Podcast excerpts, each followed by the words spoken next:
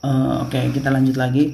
Uh, satu tadi kan sudah jelaskan bahwa bahasa tubuh yang kita gunakan itu uh, bisa kita manfaatkan sebagai uh, warning atau rambu-rambu kita dalam menjalani sebuah uh, hubungan persahabatan dengan teman kita.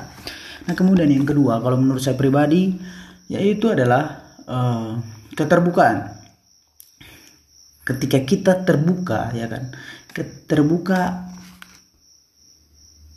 apa pun itu, saya yakin dan percaya persahabatan kita dengan lawan jenis akan berhasil. Bahkan kita akan ber, naik kelas lagi. Ada pernah nggak teman-teman mendengar bahwa nah, kutipan seperti ini? Kamu itu memang nggak sedara sama aku, tetapi kamu itu kayak saudara.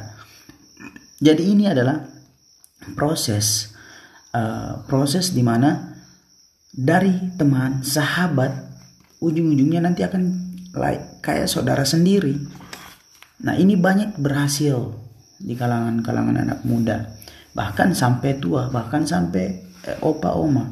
Nah karena apa? Keterbukaan yang mereka berikan antara satu dengan yang lainnya. Sehingga tidak terjadi tidak terjadinya uh, salah paham atau uh, salah pikir daripada lawan jenis ataupun kita sendiri. Nah, uh, kalau saya dua hal ini yang mesti kita uh, apa ya, mesti kita uh, pikirkan dalam menjalin sebuah persahabatan jika kita ingin kehendaki persahabatan kita dengan teman eh, dengan orang tersebut itu eh, lama.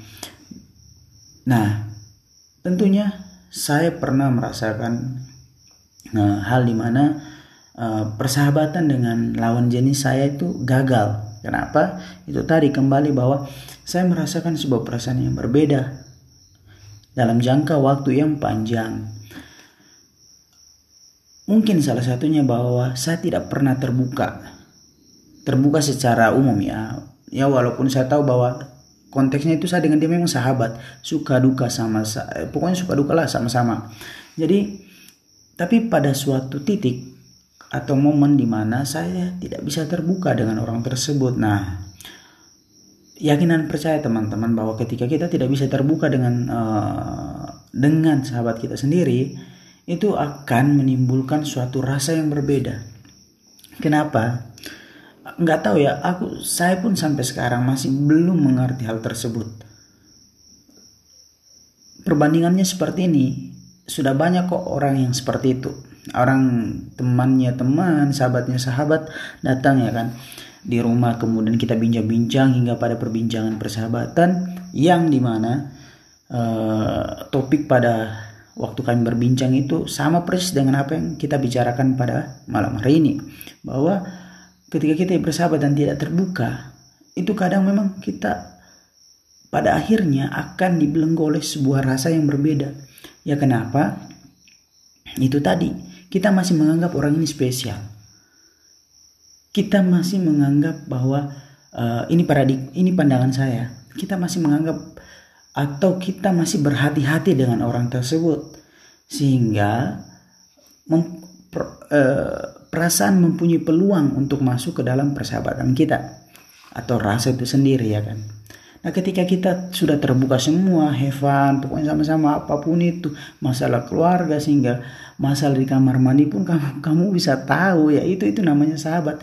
Jadi tidak ada ke apa ya, tidak ada ke, kesenjangan dalam bersahabat. Kemudian ketika kalian terbuka tidak akan ada yang namanya uh, apa ya kayak gimana sih yang kalau kalau kita ngerasa bahwa ini orang ah, masih ada sih masih ada. Dia sembunyikan gitu kan.